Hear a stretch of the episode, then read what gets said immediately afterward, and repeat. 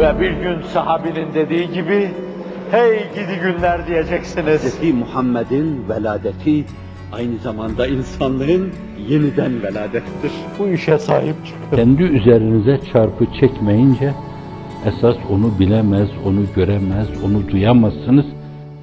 Baş ayak aynı yerde, öper alnı seccade. İşte insanı kurbete taşıyan cadde. Akrabu ma yekunul abdu min rabbi fevve sacid. Eksiru dua.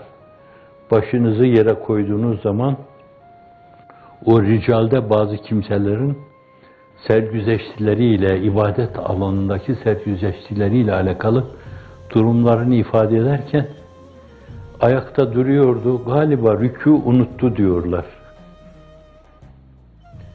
Anlıyorsunuz manasını. Rükûa gidiyor, galiba bu adam ayağa kavmeyi unuttu falan diyorlar. Kim bilir orada belki 50 defa kelimelerin en güzeli Buhari'nin de son hadisidir. Sahih, meşhur hadis. Kelimetani hafifetan alel lisan, sakilatani fil mizan, habibetani iler rahman. Subhanallahi ve bihamdi subhanallahil azim.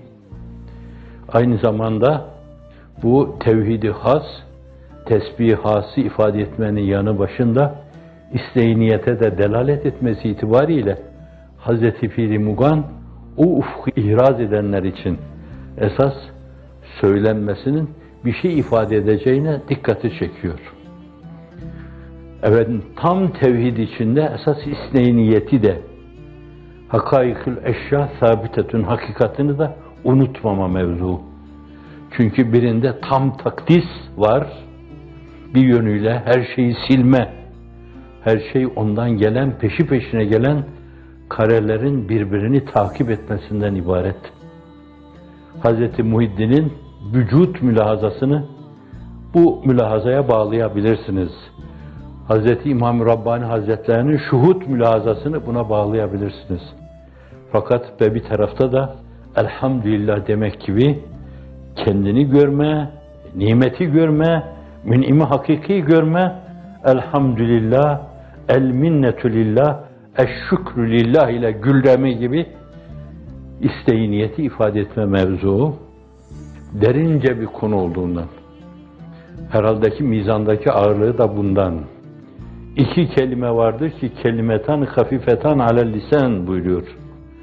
Sakiletan fil mizan mizanda teraziyi kıracak kadar ağırdırlar. Habibetan ile Rahman Allah nezdinde de en sevimli iki kelimedir. Subhanallahi ve hamdi subhanallahil azim. Mesuratta onun rükuda dendiğine dair bir şey görmedim. Fakat öyle mübarek bir kelime orada Subhane Rabbiyel Azim dendiğine göre denmesinde de bir mahsur görmüyorum. Neden? İnsan bir asa gibi kendini nefyetme adına ilk adımı atıp asa gibi büküldüğü anda bence evvela o tesbihi demeli Subhanallahi ve bihamdihi. Sonra Rabbena lekel hamd ayağa kalkarken de isteyniyete bakan yanı söylemesi arasında o meselenin söylenmesi öyle uygun düşüyor ki 50 defa diyor bunu Subhanallahi ve bihamdi Subhanallahil azim diyor. Belki gerçekten de ayağa kalkmayı unutuyor.